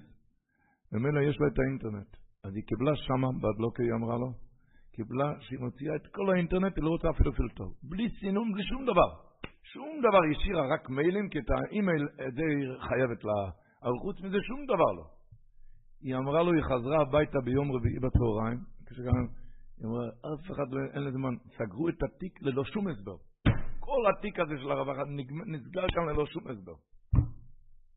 אין לזה שום הסבר, אבל יש כן איזה הסבר. השומח בחלקי. היא שמחה כל כך את הקדוש ברוך הוא, בקבולה קטנה בשל יראת שמיים. מה היא שמחה את קווי? אין לו לקדוש ברוך הוא בגנוזוב, אלא אויצו של יראת שמיים בלבד. הרב שלומקה זווילר, היורצת שלו, יסוד שביסוד, שהיה מויפס הדור, הוא אמר פעם, שכתוב בתהילים, כתוב ככה, בקי"ט, אסרס ממדורך, האוילכם בסוירס השם. זה יהודי כל כולי תרא. אסרס ממדורך, האוילכם בסוירס השם, למד, אסמודה. מה כתוב בפסוק השני? אסרם נויצרי ידוי סוב, בכל לב ידרשו. זה יהודי מולי אבידה, בכל לב, זה אבידה שבלב. מה כתוב בפסוק השלישי? אף לא יפועלו עוולו בדרוך ובלוכו. אף לא יפועל עוולו, אחד שברח מהאוויר, גדר את עצמו בירת שמיים, זרק את כל השטויות, אז זה כמו בדרוך ובלוכו, כמו היהודי הזה מלא פרק, כמו היהודי מלא אוויר. אף לא יפועלו עוולו. זה שלא פועל עוולו, ברח מהאוויר, סגר את ה... אז זה כמו בדרוך ובלוכו. לא. לא ידוע רב שלומקה זווילה היה ידוע המופסים והתשובות שלו, שכל התשובות היה אך ורק אחרי מקווה, ששם הוא ראה מה שראה, מה שאני לא יודע מה, אבל בקיצור, שידוע, כל השאלות, מה שהגיע, כן ניתוח, לא ניתוח, על כל הדין הנפושס, הוא ענה וחתך, כל השאלות השממיות. החזון איש הלך, ידוע מי החזון איש עד האמרי אמץ, הכל הגיע אליו, הגיע שם השאלות. אז הגבאי שלו היה רב אלר רוט, הוא גם היה מניקי הדס של ירושלים. סיפר סיפור נורא. שזה היה ידוע שכל השאלות האלה, שהוא ענה תשובות כאורים ותומים אחרי מקווה. מה משנור הנורא, התשובות מה שהלך שם אחרי מקווה. הוא סיפר ככה רב אלר רוט, שפעם הגיע איזה בחור, שהוא למד בישיבה בירושלים, מחמת איזה סיבה היה צריך לעזוב את הישיבה. והוא שאל את רב שלומקה האם לעבור לישיבה בתל אביב. הרי לא היה אצלו תשובה בלי מקווה, הלך למקווה, ואחרי המקווה התשובה הייתה, אני לא יכול לענות. לא היה תשובה. אני לא יכול לענות. עבר שנתיים, אמר רב אלרוט, אחרי שנתיים, ביקש ממנו רב שלומקה, מרב אלרוט, אתה זוכר, היה כאן בחור עם שאלה, אתה זוכר? אולי תעשה טובה, תברר מה הולך עם הבחור הזה. מה הולך? הוא יצא וברר, הוא שמע שהבחור הזה נכנס לתל אביב, ואולו מלויס רומויס, הוא הצליח בישיבה מעלה מעלה, בתוירו ובעיר השמיים. אמר לו רב שום כזילה, אתה ממש החיית אותי. החיית, אומרת, מחי למה? אמר לי, הוא אמר לו, כי זה היה התשובה במקרה. התשובה היה שהוא יצליח בתל אביב. אבל לא יכולתי להגיד לו את זה, כי לא יכולתי לקחת את זה על הכתפיים שלי שבחור יעבור לתל אביב. נוירן הרויס, היהודי הזה שהיה לו על הכתפיים, כל דין הנפוש הזה לא פיחת, שם על הכתפיים שלו. אבל שבחור יעבור לתל אביב, איזה גדר בירת שמיים, לא יכולתי לקחת על הכתפיים. את זה לא יכולתי. עכשיו הוא שמע שהוא הצליח, אמר לו, מה משמחה יגנה? לא יודעת, דוח רבו ישראל, האחרונה לפני מתנתרא, כולנו יודעים שהמתכוננים במתנתרא, כן, זה שבוע הבא, כבר לא רחוק. מה היה האחרונה וקידשתם היום למוחו? דברים נכונים, אל תקשו, קדשתם מהם למוחו. מה זה קדשתם מהם? והגבלת סום סובלים גדרים ביראת שמיים. גדרים. אתם שומעים מה זה גדרים ביראת שמיים? זה לא עובד רק על הרווחה בניו יורק. זה הקדוש ברוך הוא ששמיע השמיים שלו, זה בכל העולם כולו. הגדרים ביראת שמיים. גדרים ביראת שמיים, מה זה אף לא יפועל לא אב לו, זה כמו בדרוך ולוכו. אה. גבלדיק. ורבי סי, השבוע בפרשה, כתוב, אתם יודעים, תמיד כתוב לגוד אל יוסוף בן דאואל. כך כתוב, בן דאואל. פעם אחד הוא מיוחד, זה בדגלים. בין שלישי לרביעי, שם כתוב, ונוסי לבני גוד אל יוסוף בן ראואל, עם ריש, מה זה? מביא אחידו בספרו יכול מסנוך, הוא מביא את זה בשם ספר של קדמוין אמרי נוים. אתם יודעים, יש ספר אמרי נוים הקדמוין, המרשור מביא אותו בכמה מקומות בש"ס. אז הוא אומר, נוירו נורש, למה כתוב כאן ראואל? אומר דובו נוירו. הוא אומר, כשמינו את, השם שלו האמיתי היה דאואל. דאואל. כשמינו כאן את הדגלים, זה היה בין שלישי לרביעי, איש על דגלה באויסס. איך היה הדגלים רבו? דגל מחנה, יהודו. דגל מחנה, ראובן. דגל מחנה, דון, דגל מחנה אפרים, דגל מחנה אפרים, דגל מחנה דון. לא חמור? עוד הפעם דגל מחנה יהודו, דגל מחנה איסוס, דגל מחנה יהודו, יהודו, איסוס חבזבולו היו דגל, זה דגל מחנה יהודו. אחר כך היה ראובן, דגל מחנה ראובן, אחר כך היה דגל מחנה אפרים, דגל מחנה דון. אומר, היו כאן ארבע אמוס, נכון? רק כשמנו את דון לרויש דגל, היכול גוד להגיד, אני בכור לזילפו והוא בכור לבילו, דום בכור לבילו. מה פתאום דום נהיה ראש דגל ואני לא? אין דגל מחנה גוד, לאמא שלי אין שום דבר? לקחו שתיים מליאו, בליאו היה גם יהודו וגם ראובן, דגל מחנה יהודו ודגל מחנה ראובן היה אצל ליאו. אצל רוכל, זה דגל מחנה אפרים, יוסף, יוסף בן רוכל, זה אפרים, דגל מחנה אפרים. ודון אצל זילפ, דון אצל בילו. אמר, יכול גוד לומר, אומר האם רנוי המקדמן, אני בכור לזילפו, והוא בכור לבילו, למה לא ימנו אותי לרש דגל? הוא לא רצה לדבר נגד משה רבינו, הוא לא רצה, אתם יודעים בדברים האלה, איך שמתחיל מריבות, אה? גרצ'קס. לא צריך להסביר. הוא לא רצה לדבר שום דבר נגד משה רבינו, לכן הוא זכה שמשה רבינו נגבר בחלקו. אומר הימנו מקדמה, ראואל, כך הוא כותב, היינו ראואל, שעלה וזכה. נעשקין בחלקו את משה רבינו, שאויו רי אוי של הקהל כביוכל. ראואל, משה רבינו היה רי אוי של קהל כביוכל, לכן כאן נשתנה, כי בזכות השתיקה והכנעה בית גולים, מה בן אדם זוכה כשהוא שותק? כאן להיות בת גולם ראש דגל, זכה, והיה ריש אצלוי, כשום חלקס וחוי ככסופון, זה הרי משה רבנו. והיה ריש אצלוי כשום חלקס וחוי ככסופון. כמה מרוויחים, כמה כמה מרוויחים כששותקים. כמה מרוויחים. על זה, זה שהיוצאת שלו השבוע, הקודש אופסון כזבילו, הוא היה, הוא דיבר על זה מאוד באריכות ובחריפות. הוא אמר ככה, אני לא אאריך. אבל את היסוד שייכנס כמו מחט, מחט שייכנס טוב למוח. הוא אמר שתרופות עולה טיפולים, זה גם עולה הרבה כסף. יש תרופות שהקופת חולים לא משלמת. יש תרופות שעולה הרבה הרבה כסף, ורחמנא ליצלן הרבה הרבה חולשות וכאבים. אז הוא אמר, יש תרופה יש תרופה שזה לא עולה בכלל כסף, וזה בכלל לא מחליש את הגוף. מה זה? שויטי קלביזיון. ששותה קלביזיון. כי בזה הוא מונע וחוסך מחלות. ככה היה, זה היה מרגלה בפימש של רב שלום כזבימו. עד שהוא היה מרגלה בפימש בהרצאה כבר היה אומר שעם הבושות פודים את המוות. בושות פודים את המוות. הוא אמר, זה שם רפואה וישוע, שזה לא עולה הרבה כסף, הוא אמר, ומצוי בקלות אצל האדם, לא צריך סל תרופות עד שמגיע מקצה העולם, זה מצוי בקלות, לא צריך לשלם. שאר תרופות עולה הון תועפות, צריך לבטל הרבה זמן עד שמגיע, וזה מועלת ומרפא יותר מכל המחלות. יותר מכל המחלות. הוא אמר פעם, זה היה רבי ישראל זה יהודי שידע טוב טוב מה הולך בשמיים, ו... והוא היה צועק את זה, שאתה חוסך בזה, זה טיפול שלא הולך, לא עולה לך כסף, ולא עולה לך חולשות, לא עולה כאבים, לא עולה צער ועגבת נפש, תשתוק. סבילת בדיונות. הוא היה לו נכדה שהיא בכתה לפניו פעם, אין כסף בבית. אז אמר לה ללכת לכותל מערבי להתפלל. היה אומר את זה הרבה. ללכת, הסגולה הידועה של 40 יום, של כותל, 40 יום ללכת לכותל מערבי, זו סגולה שלו. הוא אמר לה ללכת לכותל מערבי.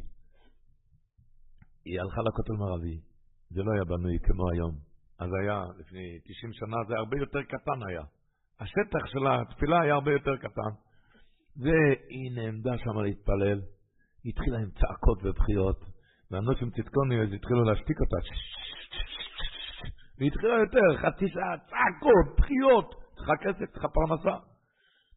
היא יצאה החוצה, אז אחת מהנושאים צדקוניס, אחת מהנושאים צדקוניס, צעקה עליה. מה, את יחידה כאן? מה הצעקות כאן? מה, את בבית כאן? או, צעקות. מה זה צעקות, מה שהיא התנפלה עליה. היא הלכה הביתה, על הדרך היא מצאה נפוליאון זהב. נפוליאון, נפוליאון זהב זה היה אז כמו היום שבע אלף דולר. יכלו לחיות בזה של, שלוש חודשים. נפוליאון זהב חי היום איזה שלוש חודשים. בקיצור, נפוליאון זהב זה היה ממש שמיפס. היא חזרה לרב שלומקי, אמרה לו, זיידה, סבא, תודה רבה, הלכתי לכותל ומצאתי באמת, היה לי ישועה, נפוליאון זהב. אבל היא שאלה אותו, אבל למה הקדוש ברוך הוא שולח לי ישועה, צריך לשלוח לי דרך כאילו בושות. הוא יכול לשלוח לי מיד אחרי התפילה נפוליאון זהב, בלי בושות. בלי בושות. למה היה צריך לשלוח לי? אמר לו, תשמעו עכשיו טוב טוב מה שרב שלומקה אמר לה. את טועה. את חושבת שאת פעלת בתפילה את הנפוליאון הזהב. ולכן את שואלת, למה זה היה צריך להגיע דרך בושות? את חיה בטעות. הישועה שאת פעלת שזה את הבושות שקיבלת. כי בבושות פודים את המוות, ובבושות את חוסכת טיפולים ומחלות. את זה את פעלת, שקיבלת את הבושות, זה פעלת. רק כשבן אדם לוקח תרופה מרה לפה, הם חייבים מיד איזה קול המתוק, להמתיק את הפה, לכן מצאת את נפוליאון הזהב. אחרי כזה טיפול, אחרי כזה טיפול, לכן מצאת את נפוליאון הזהב. זה היה השיטה שלו. אתם מבינים? הבן שלו, הרב רב גדליה מוישה, שידוע שהוא שם בשכבדו, שהציבור יודע את הסגולה של שני וחמישי ושני, הוא היה אומר שהאבא היה בדרגה של לחפש בושות. תראו, אחד שזה, אני לא בדרגה הזאת, הוא אמר, אבל אני בדרגה שכשאני מקבל את זה, אני יודע שאני מקבל מתנות. האבא היה במצב שהוא חיפש את זה.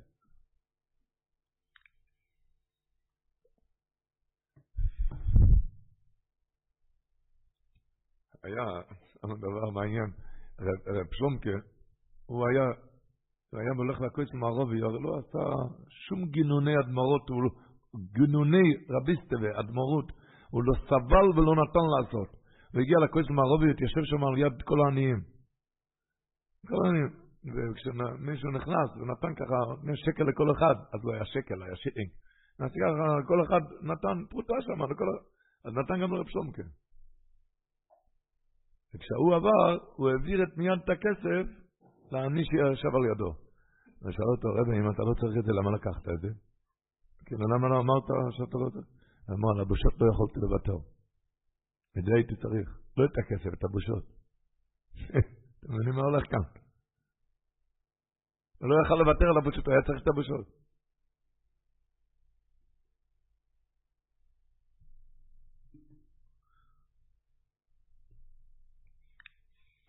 סיפרתי כמה פעמים שמה שהבן שלו, הרב רבי דורי מוישה סיפר עליו, על האבא, וסיפר את זה כשהיה טוב ש"ח, היה פגזים, היה שם פגזים בטוב ש"ח, וישבו אז במקלט בבית ישראל, וישבה שם איזו אישה, קראו לה ינטלה, וקראו לה בירושלים ינטלה דמשיגנה. ולא סתם, ינטלה המשוגעת, לא סתם קראו לה בשם הזה, היא שילמה על זה מחיר יקר. היא הייתה עומד, עומדת בחוצות ירושלים, ודישה את כל מי שעבר. והבעיה הייתה שהיא דיברה בטוב טעם ודעת, ולא סתם דיברה צעקה, היא אמרה לכל אחד לראש כולל מאברכים מדברים עליו, למלמד מההורים מדברים עליו, היה נוירן הרועס, לאברך מהשוויגר מדברת עליו, היה נוירן הרועס, ספגו ממנה, היא ישבה שם במקלט, שנחס, הם אומרים שסבלו ממנה שם במקלט, והרבר רבי דל משה ישב שם, סבלו ממנה מרורות. הם אומרים, כשעפו הפגזים, אז היא הייתה בשקט. איך שהפסיקה פגזים, התחילו הפגזים שלה. נוירון הרוז והחליטו שבהפוגה הבאה מחליפים למקלט, שעוד כמה יהודים ייהנו ממנו. אי אפשר אה, לזכות קהילה אחת. אז, אבל לפני שעושים כזה דבר, דוח, זה היה זמן מאוד מתוח בירושלים. מתח גדול היה בירושלים מהמצב. אז החליטו, לפני שעושים כזה דבר, לדבר עם הרב רבי דל מוישה. אמרו לו, יש כאן אישה עומדת ומביישת בן אדם, אה, אנשים. מותר להחליף למקלט? אמר, מותר? ודאי שמותר, ויש את האנשים, מותר להחליף. אבל לפני שאתם עושים את זה, אני רוצה לספר לכם סיפור קצר. אמר, לי היה אחות בעיר זבילות, ברוסיה, שהיה לה מחלה, שבמחלה הזאת חום היה סכנת נפשות. ופעם עלה החום, עלה, עלה, וקראו לרופא, הרופא ניסה להוריד את החום וזה לא הלך. ניסה וניסה ולא הלך, עד שהרופא הודיע להורים שעוד מספר שעות היא בגן עדן. מי ההורים? רב שלומקה והרבנית. רב שלומקה מיד לקח את המעיל והוא יוצא. הרבנית שאלה אותו, לאיפה אתה יוצא בכזה מצב? הוא אמר לו, הולך לחפש בושות. הוא היה עם חוכמה, הוא לא היה צריך לחפש בושות בבית כנסת, הוא ידע איפה הוא הולך. הוא היה שם ממונה על ההקדש, היה ממונה גם על השכר לימוד של התלמוד הוא היה שם, הלך שם לאיזה אחת שהייתה צריכה לשלם. הוא היה, היא הייתה, ביידיש קוראים לו, ביידיש קוראים לזה הצופייפטה. היה קצת, היא הייתה קצת, אה, קצת יותר מקצת, נכנסה שמה לחנות שמה לבקש את הכסף שהיא חייבת. היא יצאה החוצה והיא התחילה לצעוק עליו, מי עשה אותך לרדת? מי כמה צריך לרדת? וצעקות, נהיה שם התקהלות של אנשים. לא ידעו אם לבכות או לצחוק. ורב סומקי עמד שם באמצע, הוא נשם את זה. איך הרופא אומר, תנשום עמוק. הוא נשם את זה ככה, נשם. היא צעקה, צריכות, צרחות. הוא חזר הביתה, פשט את המעיל ואמר, ברוך השם, שום דבר לא יהיה. ובאמת, החום ירד לבד, והיה ניסים ונפלאות. עבר תקופה, ועוד הפעם רב שלומקה אמר, עוד הפעם החום עלה, עוד הפעם קראו לרופא, ועוד הפעם היה מסובך מאוד, ו, ועוד הפעם רב שלומקה לקח את המעיל והוא אמר, הוא רץ לחפש בזיונס, הוא חזר הביתה, נתן קרחץ, לא מצא, הוא לא מצא בושות. לא מצא בושות, ותוך כמה שעות היא הייתה בגן עדן, הבת שלו. אמר, אמר להם רבי דל משה, הבנתם? האבא שלי היה שוגור בפיו, שעם בושות פודים את המוות. הוא אומר, אתם שאלתם אם מותר להחליף לה את המקלט ליינטלה? בטוח שמותר להחליף לה, אין שום בעיה. היא מביישת אנשים. אבל תראו איזה מצב מתוח כאן בירושלים, איזה פחדים כאן מהפגזים. יש מתנה אחת, הקדוש ברוך הוא שלח את היינטלה הזאת, אתם רוצים לגרש אותה גם.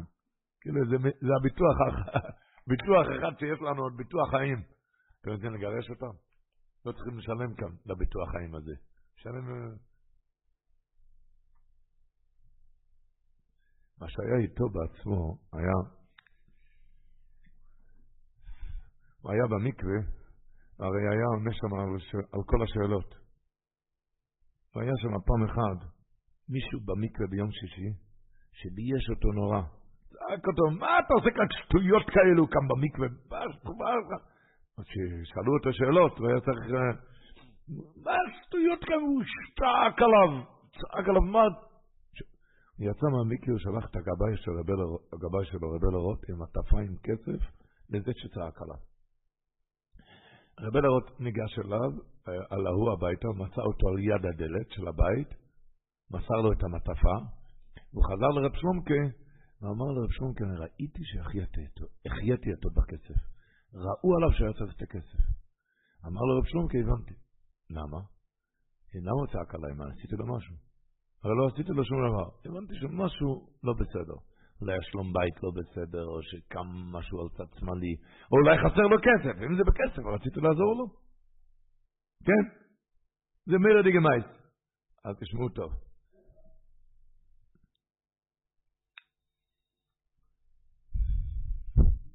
המיירדיקאית של המייסה הזה, תשמעו טוב.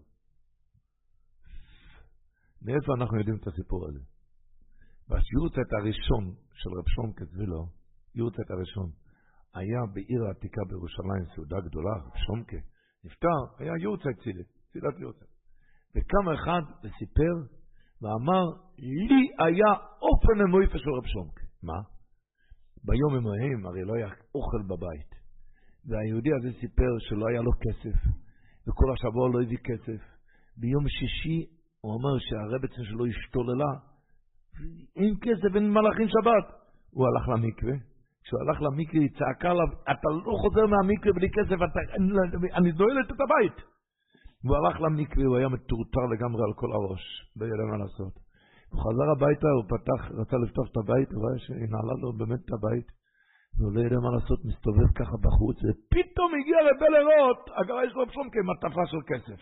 היה לי מויפס גלוי ממנו, הוא לא סיפר לקהל את ההשתדלו שעשה למויפס הזה.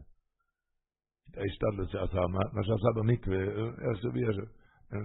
אתם מבינים? רבי ישראל לא נאריך, אבל חייבים עוד רגע הדאבו. מגיע השבוע יום גדול,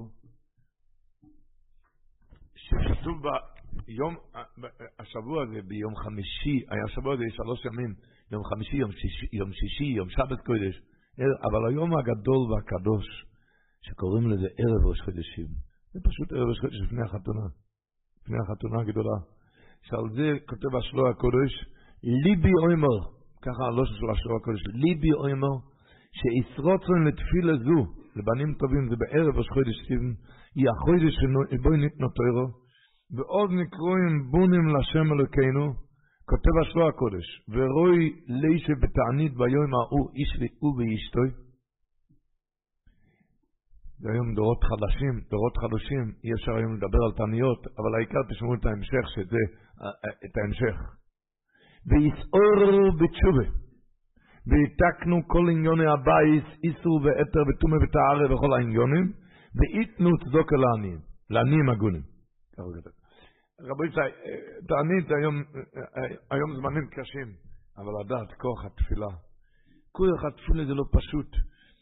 כתוב בתפילה למוישה שהחסם סויפר, האליגר סם סויפר. אתם יודעים איזה בנים היה לו? כסף סופר, רב שמעון סופר, אתם יודעים איזה בנים?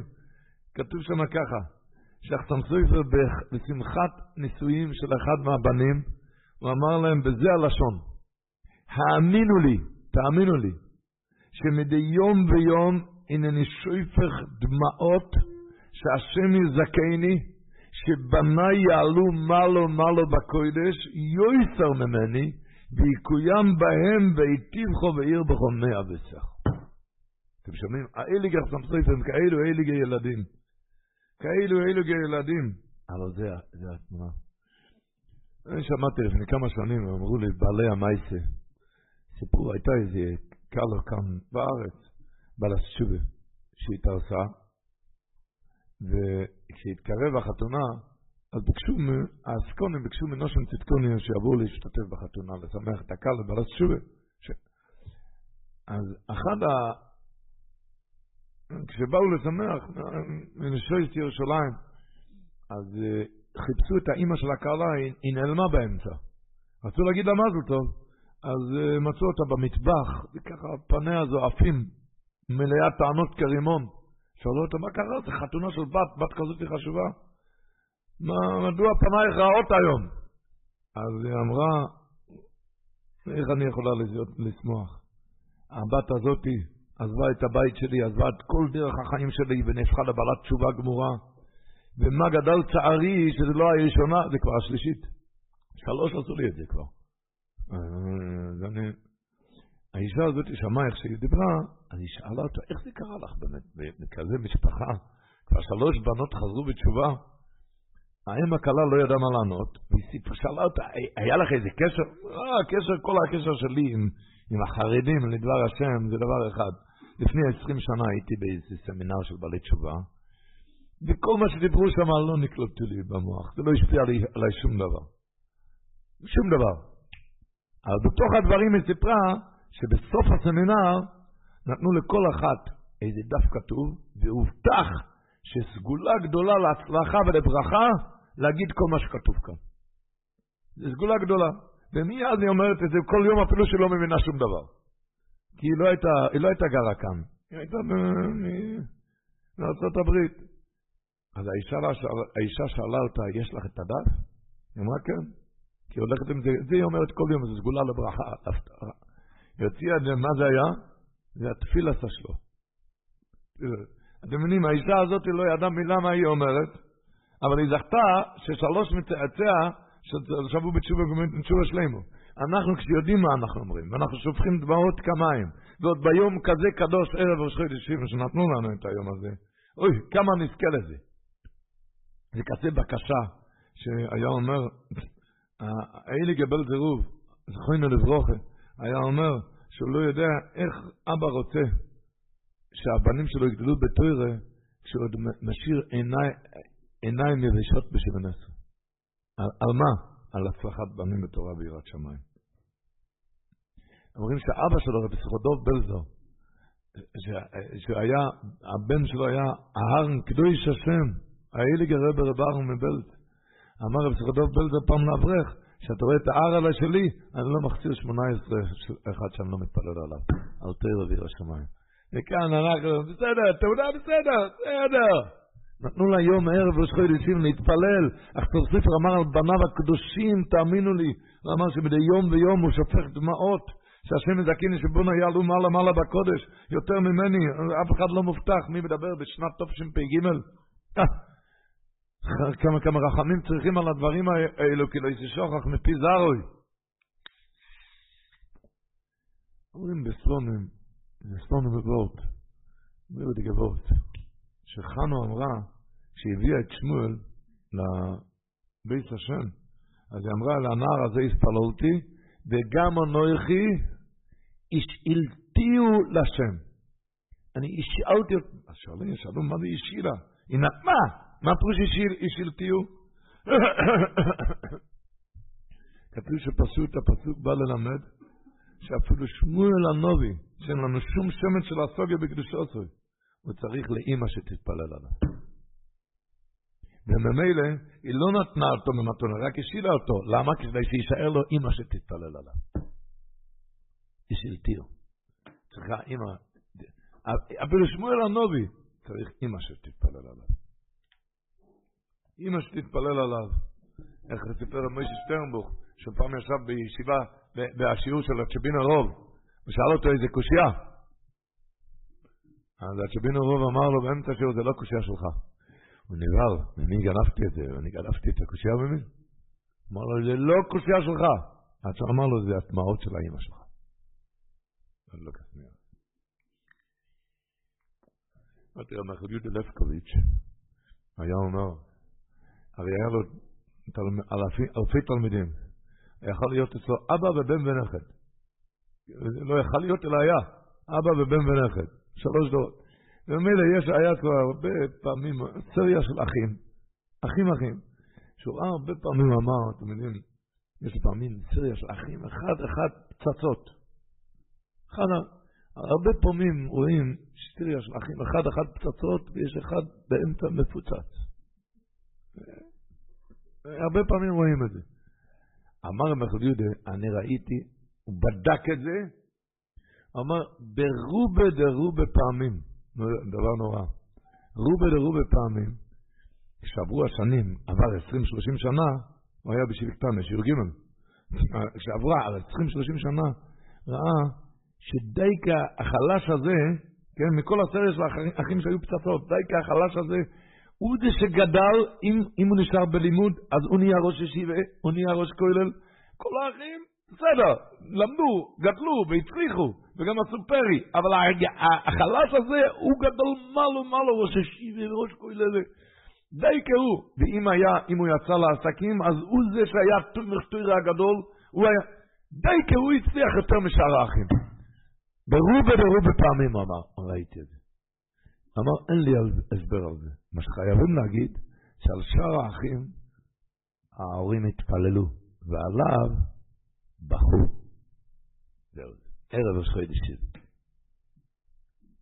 הוריד קצת דמעות, דמעות של שמחה, בשמחה הגיעו כל היום.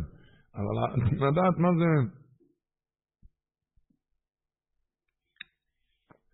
כתוב במאיצי איש, החזון איש אמר פעם לרבי ינקל גלינסקי, היה אחד קיבוצניק שחזר בתשובה. אז הוא אמר, רבי ינקל גלינסקי, שכשהאבא של הקיבוצניק הזה ירד מהדרך, כשהוא החמיץ, אז האבא, שלה, האבא שלו, זאת אומרת, הסבא של הקיבוצניק, עוד פעם, כשהאבא ירד מהדרך, אז הסבא בכה. זה כלל הדבורים, דברות לא הולכים לאיבוד, לכן הוא חזר בתשובה. חנוך הדרביץ'. וככה הוא אמר, גם כתוב שם, החזון איש אמר, החזון איש אמר את זה, והם אומרים שזה היה מרגל בפורים של השטייפלר גם. שהורים הרבה פעמים רואים, בחור אין לו טעם בלימוד. פתאום נפתחים לו מיינס החוכמה, רואים את זה הרבה בישיבות. מתחיל להתעלות פתאום עם כזה אהבה סטיר, עם גשמק, עם קשרינס, מה קרה כאן? החזון איש אמר, שפשוט הסבתא שלו בכתה בהדלקת נרות. זקינן לגל בונים ונבואים חכמים ונבואים ואבי השם. הדמעות האלו, היה על זה קטרוגים. אבל עובר שנים שחופר העוון ובטל הקטרוג, ומיד הדמעות האלו עושים את שלם. פשוט עכשיו, אין כזה דבר, דמעות לא הולך לריק. וממילא, אז היה קטרוג, אבל כשמגיע דקה, אנחנו לא מבינים בדברים האלו. אבל סיפר לי אה, איזה מנהל של תלמותוירה, צילם את תלמותוירה בוויליאמסבורג, קוראים לו רב שיוזב אלטמן, רב שיר דוד אלטמן. מנהל של תלמותוירה, תלמותוירה מאוד גדול שם. הוא צלצל אליי פעם, זה היה בשבועות האלו. אתם יודעים, בשבועות האלו, בימים האלו, יש לה ספר בכל, ה... בכל החדורים, בכל... גם בארצות הברית. זאת היה לי כאן איזה דבר מעניין שם, אני יודע, היה שם תורמים היה אצלו בכיתה, שאחד מאוד מאוד הצליח, והשני היה פקלאץ', פקלאץ', אתם יודעים מה זה קלאץ'? לא, שום דבר לא. לא אבא תראה ולא כשרוינס, ממש גורנשט. כל הזמן זה היה צער מאוד גדול. זה היה צער לראות את הבן, את הילד הזה, איך שהוא קלאץ', שהוא מאוד חלש, ובפרט שיש כזה תאום. זה הצער. כשהוא דיבר איתי בטלפון, אמר לי ככה, זה היה הצער הזה והגדול הזה וכל הכלל, זה היה עד לפני שבועיים. לפני שבועיים, פתאום הילד התחיל ללמוד. התחיל ללמוד ולשמוע, והתחיל להשתדל. הוא לומד, מבין, עושה מבחנים, לא אבל לא יצא. כל המלמדים בחדר המלמדים, כולם דיברו על זה, מה הולך כאן? תראה, הילד התחיל ללמוד. ובימים האלו היה אספת הורים, זה לפני כמה שנים, אספת הורים. אז רבי דוד אמר לי, שהאבא היה שם באספת כיתה, אמר, אמר לאבא שייכנס אליו בחדר אחר כך. והאבא נכנס אליו בחדר, אמר לו, תגיד לי, אתה יודע, אתה מעודכן מהמצב? כן, שמעתי עכשיו מהמלמד. היה משהו? מה קרה כאן? מה, לקחת אותו למישהו? מה, מה? אמר לו, תשמע, אני אגיד לך בדיוק מה שהיה. לי זה קרוע הלב לראות את זה. איך ששתי ילדים, לא, שתי בנים שלי, אחד כל כך מצליח, השני כזה, זה קרה לי הלב. אמר לו, לפני שבועיים קיבלתי על עצמי להגיד ברכת התוירה בבוקר, אומרים, אני, אנחנו וצאצאינו. כתוב בהלוכס שם המקום לבקש. אמר, קיבלתי על עצמי להגיד את זה מתוך סידור וכבונה. כי עד אז, עד לפני שבועיים, זה היה אצלי תפילת הדרך ברכת התורה. מי מה זה תפילת הדרך? על הדרך, אני אנחנו תדענו, לא ידענו מה. ומי אז היה? אתם מבינים? מה זה רב סול סלנטר היה אומר? שדובר זה בדו כמנוסה, כי התפילה לסייעתא דשמיא ברוכניס תמיד נשמעת. יש אחד שעושה את זה על המקום, כמו הסיפור הזה. יש אחד, שכמו שהחזון איש אמר עם הסיפור עם הקיבוצניק. אבל זה הכלל, שהתפילות על רוכניס אף פעם לא הולך לריק. הגימור אומרת, בסוף מסכת ברוכס, על הפסוק, אנוכי השם אלוקיכו, אמלכו מארץ מצרים, ארכת פיכו ועמלאו. הקדוש ברוך אומר, מה שאתה מבקש אני אתן לך. מה הגימור אומרת? ההוא בדברי תוירה כסיב. על רוכניס דברי תוירה, על תוירה וירושלים, מה שאתה מבקש. ארכת פיכו ועמלאו. אתם יודעים, רש"י אומר בתהילים, ארכת פיכו ועמלאו. רש"י אומר, ארכת פיכו זה לא של רש"י. ארכת פיכו, לשאול ממני כל תאוות לבכו. ועמלאו, אומר רש"י, ככל אשר תיסל עמלה. זה מובטח בדברי תוירה. לשפור את מועץ כמים, לאבינו שבשמיים, על תוירה ועיר השמיים. במלוא חופניים, שילדים יגדלו.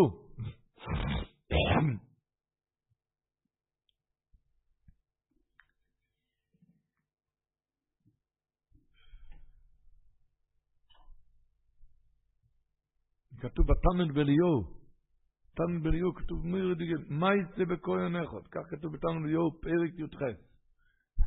פרק י"ח, זאת אומרת תנן בליהו מה יצא בכהן אחד? שהוא ירא שומעים בסייסר, וכל מעשה וטויבים שהוא יאויסו יאויסו בסייסו. ואויו לו עשורו בונים מאישו אחס, שישו זכורים וארבע נקבס.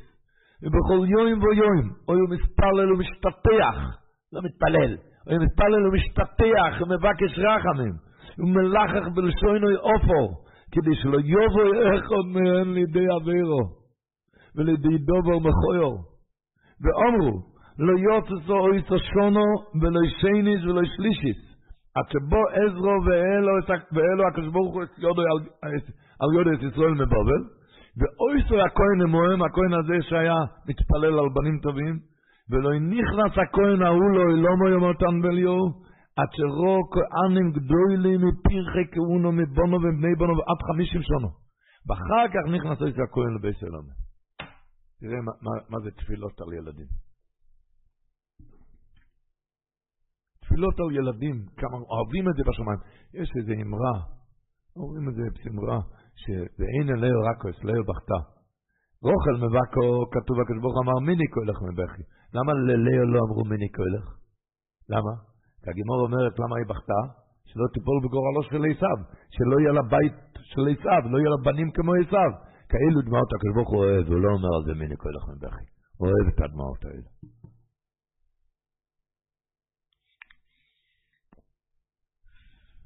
נתנו לנו את היום הזה, ערב ראש חודש לפני מתנתרא, שאנחנו נתחנן ונתפלל, ולכל אחד ואחד, כמו שדיברנו, שחסם סויפה אמר לילדים שלו, היה איזה אינטרסנט מייסה בבחור שלמד בישיבת שפת אמס בירושלים, שהפני מנחם אז היה ראש ישיבי. הבחור הזה, הפני מנחם, הוא היה ראש ישיבת שפת אמס אז. הוא מאוד השתעשע איתו, כי הוא היה בחור מסמיד ועילוי גדול מאוד. למד ולמד, הפני מנחם מאוד השתעשע איתו.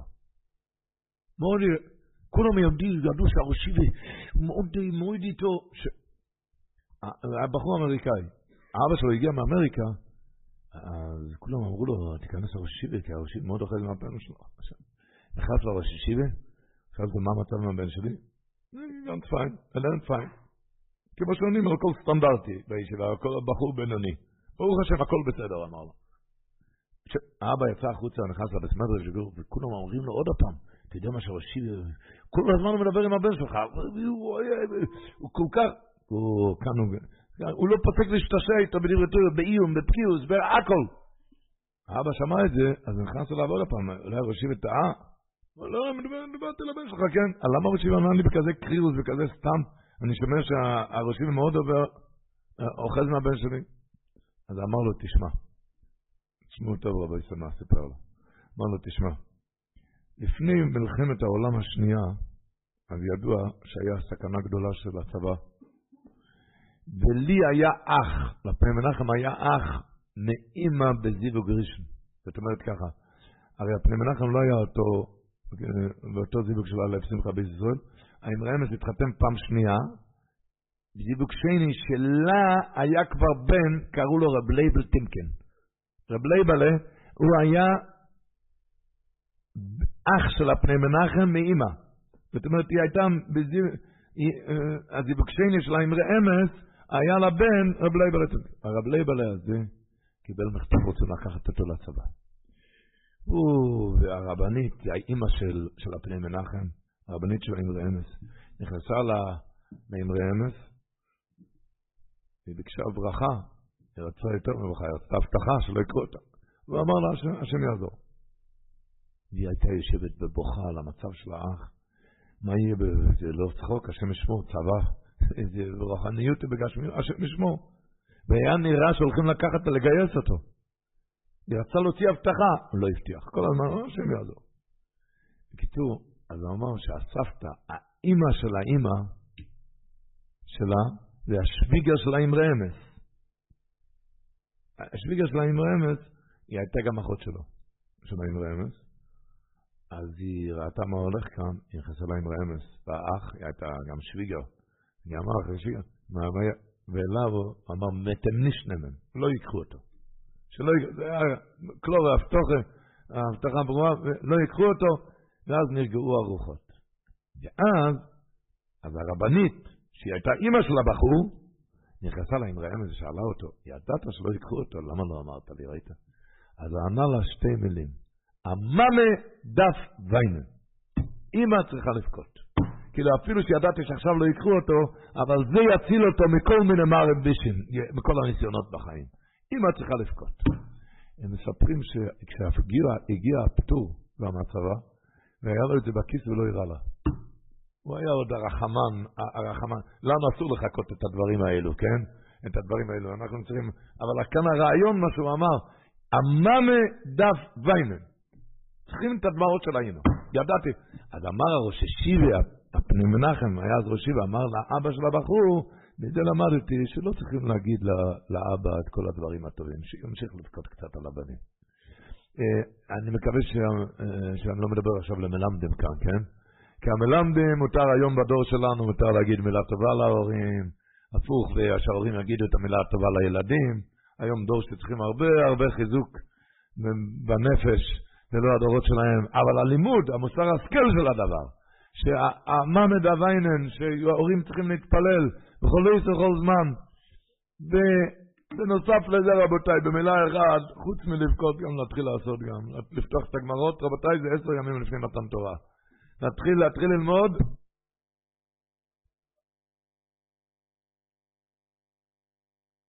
עשר ימים לפני מתן תורה, וכל אחד רוצה להיכנס, איך אומרים, כרטיס כבוד, לא כמו שנורר, כמו שלוח.